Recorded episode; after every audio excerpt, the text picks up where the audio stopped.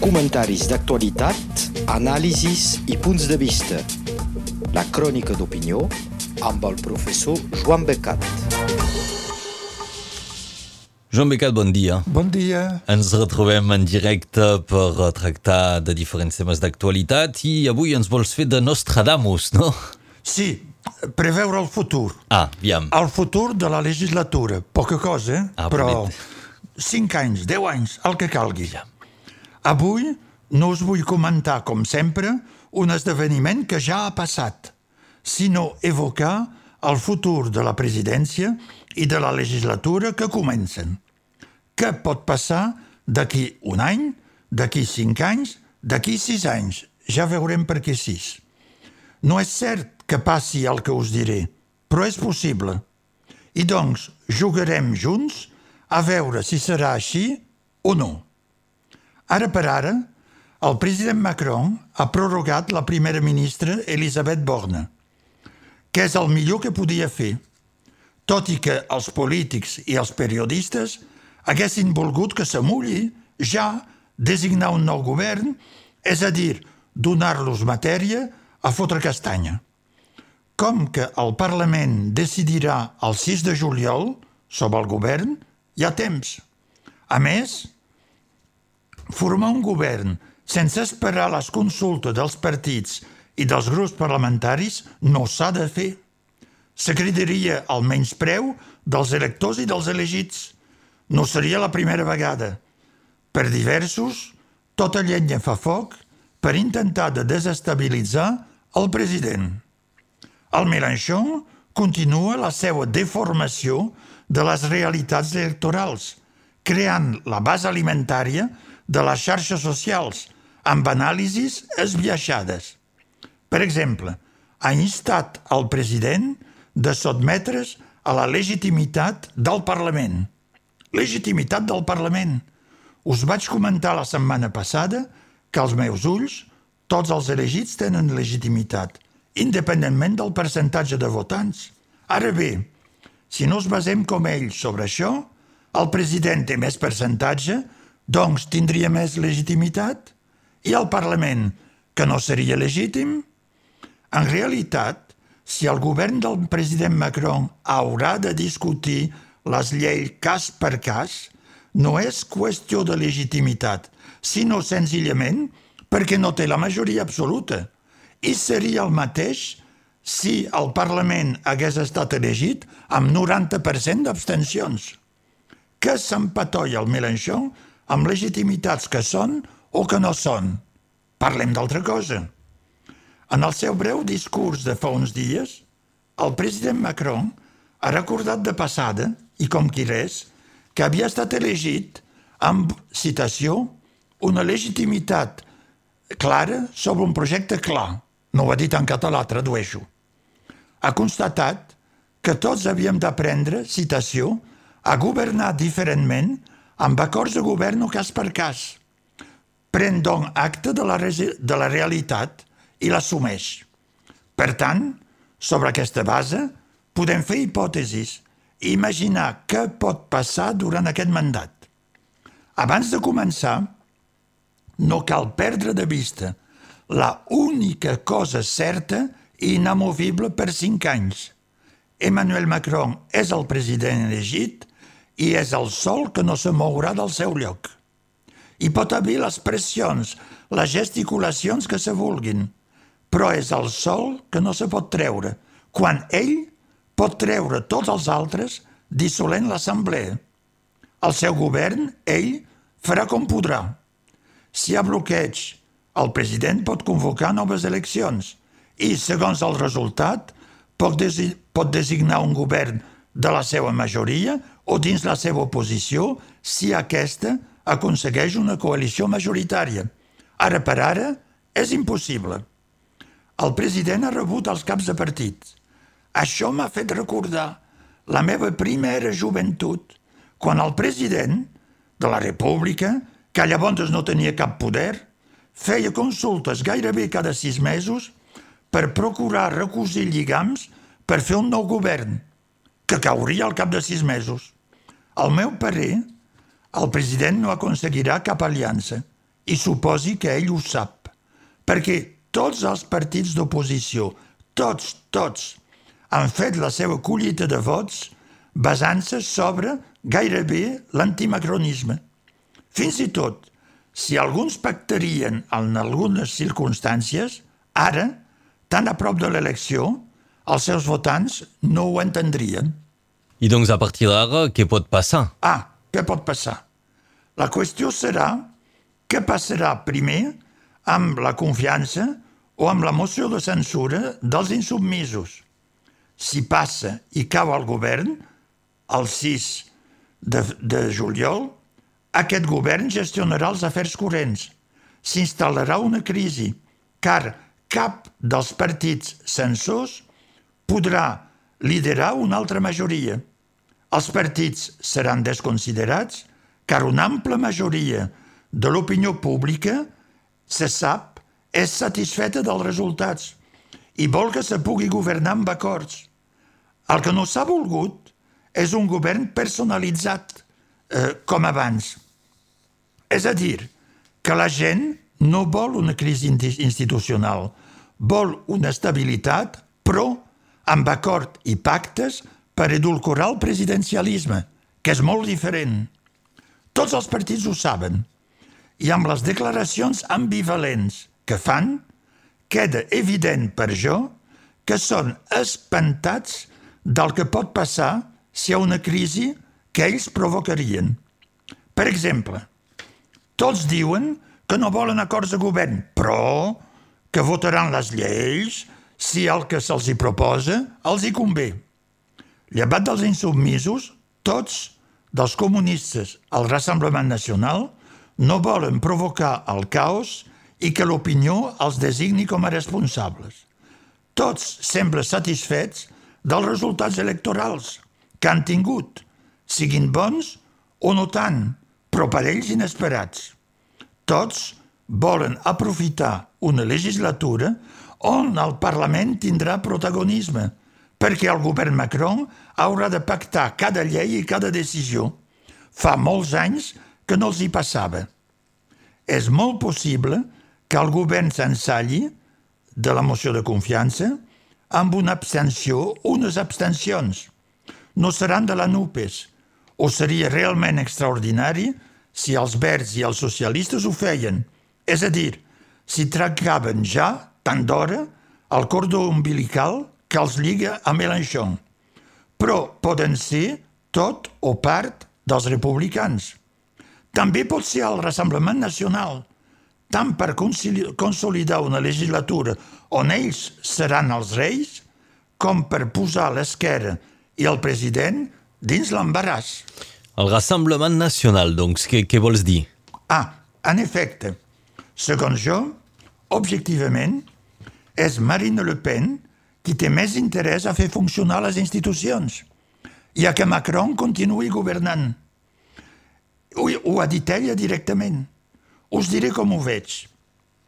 Ella té el segon grup parlamentari de l'Assemblea i no s'esperava ni a la meitat, és a dir, s'esperava ser la tercera o la quarta.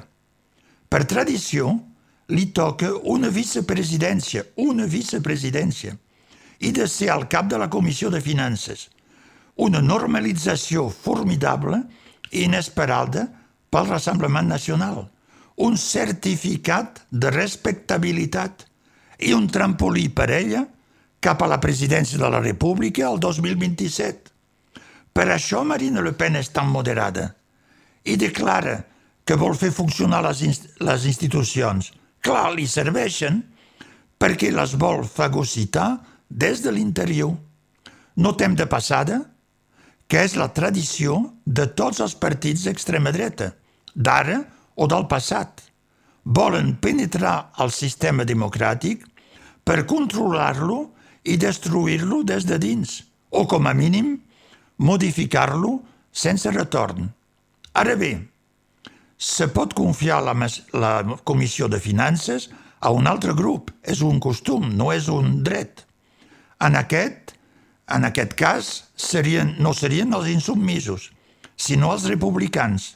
I a llavors seria un pacte o un acord, de fet, amb ells, els republicans. I després?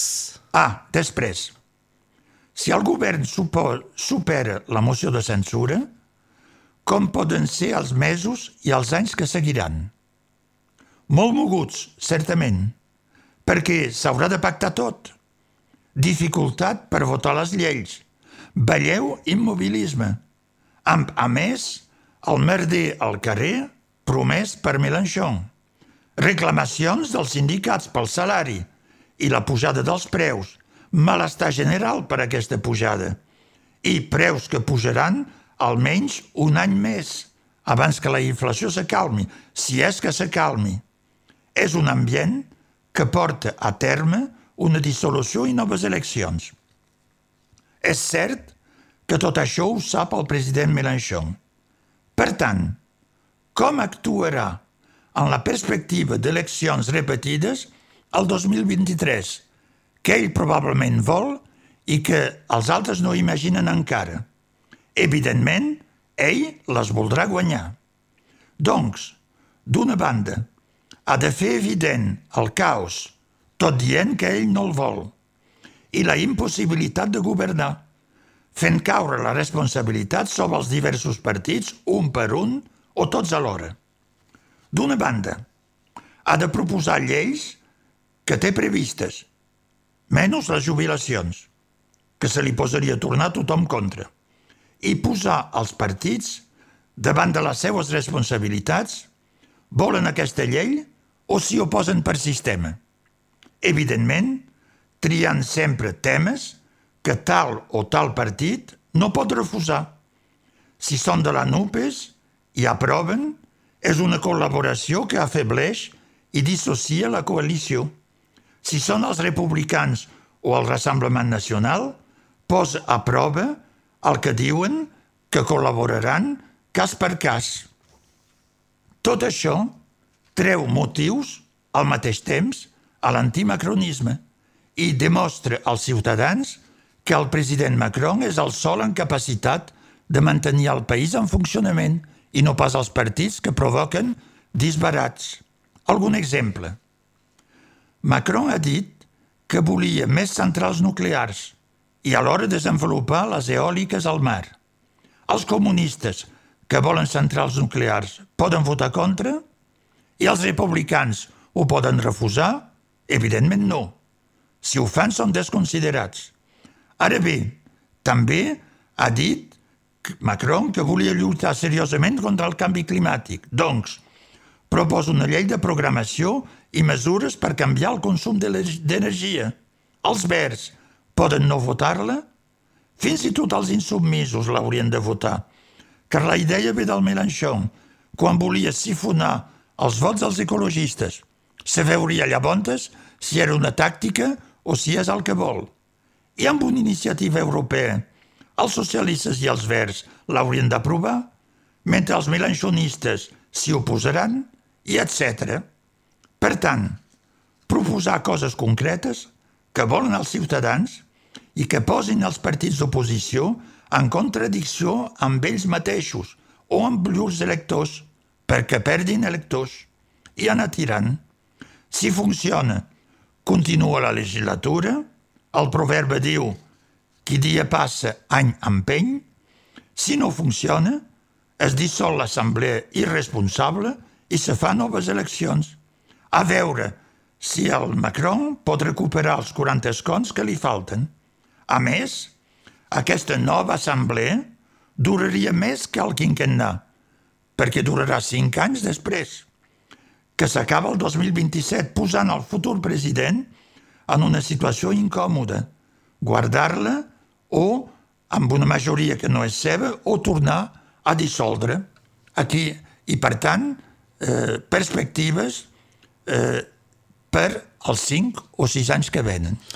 Doncs comentaris sobre la situació política a l'estat francès i nos queda uns minuts que vols aprofitar per reaccionar a l'anunci que s'ha fet que el català podrà arribar a tots els alumnes a totes les classes. Sí, sí, sí. Radio Arrels ho ha comentat molt, cosa que eh, fa que no ho hagi de comentar jo molt llargament, i s'ha penjat intervius a la seva llar, a la seva web. Eh, és una notícia que m'ha omplert de felicitat, perquè va cap al final, no és encara al final, però va cap al final d'un camí i d'una lluita de, de fa exactament 40 anys. L'acord marc entre institucions per oferir ensenyament del català o en català a totes les classes de tots els establiments de la maternal al liceu. Aquest acord preveu un conveni entre el Ministeri i les col·lectivitats per fer realitat i trobar els funcionaments i els finançaments, funcionament amb ensenyants i finançaments. És l'oficina pública de la llengua catalana dirigida per Pierre Lissot, que ho ha portat. I hi veig la mà i l'empenta de la Bailac, que, els, que presideix el seu Consell Científic, i de tots els companys i coneguts que fan part de l'oficina i dels seus consells. Els feliciti a tots de tot cor i els hi doni les gràcies. No vull ser aquest que troba pèl als ous, eh, però he de recordar que la creació de l'Oficina pel Català fa cinc anys va ser la última de totes les llengües regionals. El basc i sobretot el bretó la tenen des de fa desenes d'anys. I totes les altres oficines per les llengües regionals van ser fetes molt abans que nosaltres. Un acord i un conveni com el que s'acaba de firmar per ensenyar la llengua regional a tots els nivells ha estat firmat per totes les llengües regionals, ja. Al final, arribem nosaltres, més tard, ve el català. Millor que hi sigui, però per què tants fren i tants temps? És, evidentment, una qüestió política. L'estat francès i els seus serveis tenen por per casa nostra del contagi de Catalunya i del seu desig d'independència frenen tot el que poden i atorguen quan no hi ha més remei. Però, direu, i el País Basc, que són més avançats, que ells també no plantegen problemes? Doncs, d'una banda, els batlles del departament fins a la regió, tothom s'ha mogut més i ho van voler. I d'altra banda, si al País Basc dins l'estat espanyol hi ha hagut ETA, i si els partits se declaren independentistes, encara, per ara no s'ha fet cap pas concret al País Basc per mostrar que la volen, la independència. És pura incantació. A Catalunya són actes. Joan Becat, moltes gràcies per aquests comentaris d'actualitat. Bon gràcies. dia a totes i a tots. Comentaris d'actualitat, anàlisis i punts de vista la crònica d'opinió amb el professor Joan Becat.